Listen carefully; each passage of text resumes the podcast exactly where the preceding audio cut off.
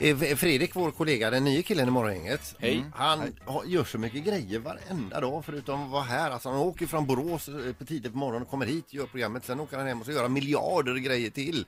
Igår till exempel så åkte han iväg till Skövde med sin dotter och klev in på badhuset där. Badade en stund, kände att han behövde besöka toaletten och eh, sätta sig där en liten stund Ja. för sig själv. Number two. Number two had to go. Men efter en stund så var du inte längre ensam. Varsågod Fredrik. Tack. Eh, jag vet, ni vet hur det ser ut på såna här toaletter. Det är såna här bås typ.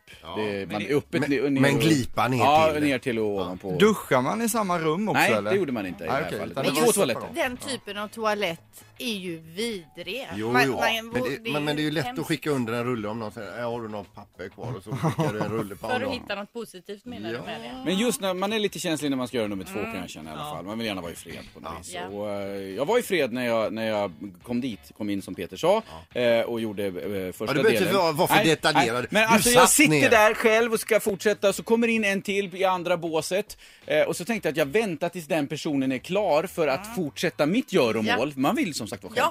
Ja. Och då ser jag under det här, alltså det som skiljer våra bås åt, så ser jag under i ljuset hur en skugga börjar röra sig ganska, ganska raskt och i, i monoton takt. Och han är själv där inne ska vi Han är säga. själv där inne och jag har ju varit tyst hittills kan jag säga för att jag vill ju liksom inte. Och då får du panik. Jag får panik och är inte tyst längre utan jag blåser på med allt jag har kan man säga. För du tänker det här måste få ett stopp. Jag måste han måste, Börjar du sjunga? och han sånt också, måste eller? förstå att han inte är själv där inne tänker jag. Fredrik Ja. blåser på alltså så han nästan skrämmer sig själv. Ja, jag blir rädd. rädd. Och det låter...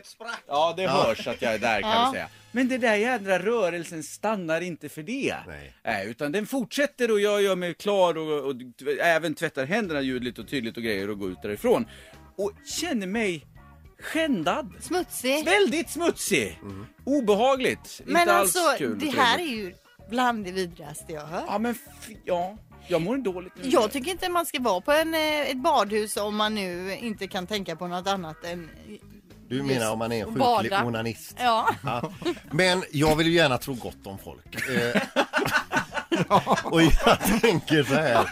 Tänk om det är så enkelt att det var någon som gick in med en puck och ville ha den för sig själv.